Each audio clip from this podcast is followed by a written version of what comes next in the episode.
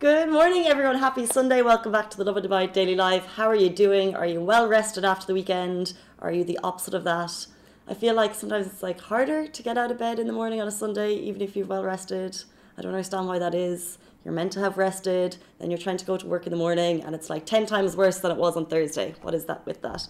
Um, anyway, let me know where you guys are watching from. If you're tucked up in bed, if you're on the way to work, or if you're in the office already, love to hear. Um, we're going to be talking about a couple of cool stories. Number which we'll get to. A TikTok cafe is coming to Dubai. Would love to hear your thoughts on that. If you're going to be first in line, or if you'll be avoiding it.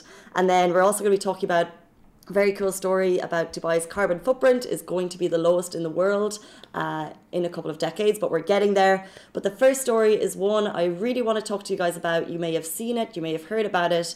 So a cruise or a yacht went on fire um, beyond the Burj Al Arab this weekend. I think it was on Friday afternoon. You may have seen it, you may have read the stories. Um, first of all, it was a yacht. I think there was an engine failure and a fuel leakage was the cause of it. Um, you've probably seen seen the videos of the billowing smoke. Here, the video we're sharing with you now this came from Dubai Media Office, and it kind of because you probably saw the videos of the billowing smoke, and you probably uh, read the news stories. You may have you may not have known what was the cause of it, and like I said, it was an engine failure. But shout out to the DCD, they got there. The smoke was gone within an hour. Three people on the boat were rescued, and you can see beside me that it was just a yacht. So nothing to be alarmed about. Um, it could happen anywhere in the world. But uh, following on from that, there was kind of international reports so obviously there's rising tensions in the region. So kind of well-respected uh, international news agencies would have linked that fire uh, to the rising tensions which if you're in Dubai, that could, it could cause panic, it could cause alarm. And then, uh, so a local lady, she took to Twitter and she kind of just kind of called out the news agencies because, you know, it's kind of, it's very unfair, it's uh, irresponsible for a small fire, which could happen anywhere, anywhere in the world, uh, to be linked. It's kind of wild.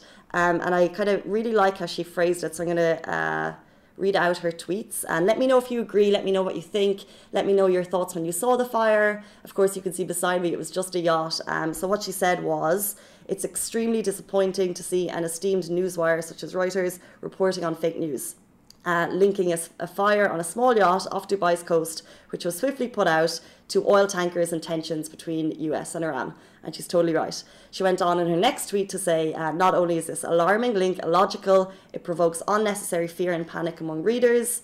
She's correct. Uh, we expect and rely on Reuters to provide proper and verified sources of information and not rely on ill advised social media reports uh, centered on assumptions. So, as you can imagine, um, this story from Reuters would have been picked up around the world, and here in Dubai, it may have caused panic. So, uh, I really like that she kind of called it out.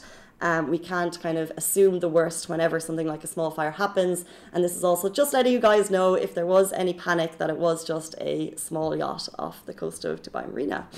Um, moving on to our next story, I'd also love to get your thoughts on this. And it's like, whole other side of the spectrum. A TikTok cafe is possibly coming to Dubai.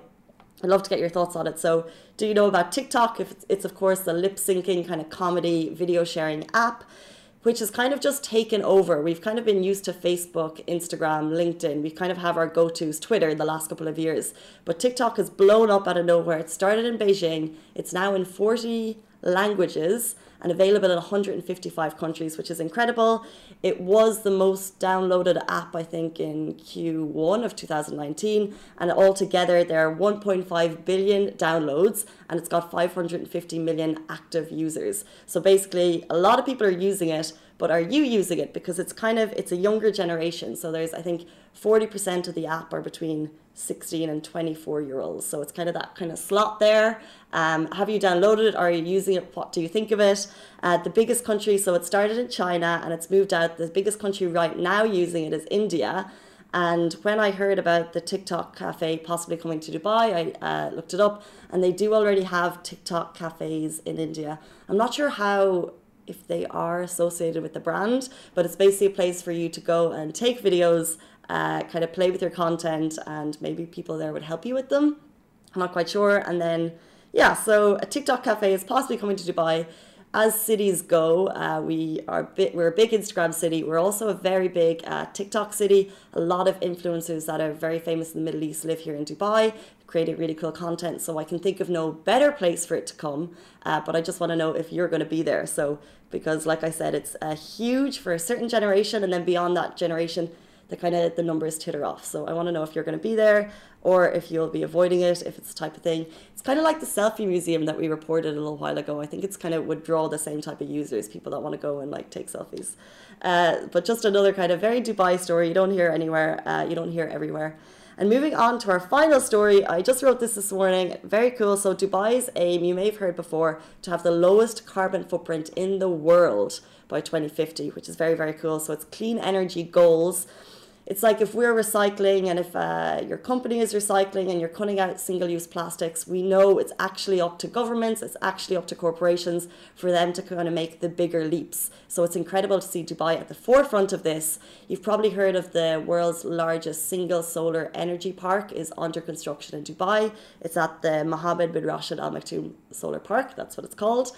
And they're currently in the third phase. So phase one is phase two is complete, and this is the third and final phase uh, there was the so this has been created by DEWA in in uh, collaboration with a couple of other entities. So the managing director and CEO Saeed Mohammed Al Tayer of DEWA, he was out there inspecting the site, um, and all is in progress. So by April, it's going to be up and running, and then. So Dubai's 2050 clean energy goals are to have to be the world's largest producer. So uh, what will happen is we'll have the lowest carbon footprint and we'll be um, it will be oh yeah so the aim is to have 75% of dubai's clean energy to come from or dubai's power to come from clean energy so regardless of what we're doing on the ground this is kind of like a mass scale plan to ensure that dubai's energy is all clean by 2050 so it doesn't happen today it doesn't happen tomorrow but they're actually investing i think a hundred 50 billion, sorry, 50 billion dirham to make this happen, which is cruel. So shout out to DEWA, shout out to Dubai, and also this is the final story, but just another shout out to DEWA because uh, His Highness uh, Sheikh Hamdan, Dubai's Crown Prince, he announced the three top performing government entities this weekend, and DEWA was on top. So maybe this is something to do with it, but I also think it's got something to do with all the fantastic customer service. Um, but this in particular, reducing uh, Dubai's carbon footprint at a very crucial time is huge. So thank you, Dubai. Those are our top three stories. We'd love to hear your thoughts on all of them in the comments, and we'll be back tomorrow morning, same time, same place. See you then. Bye.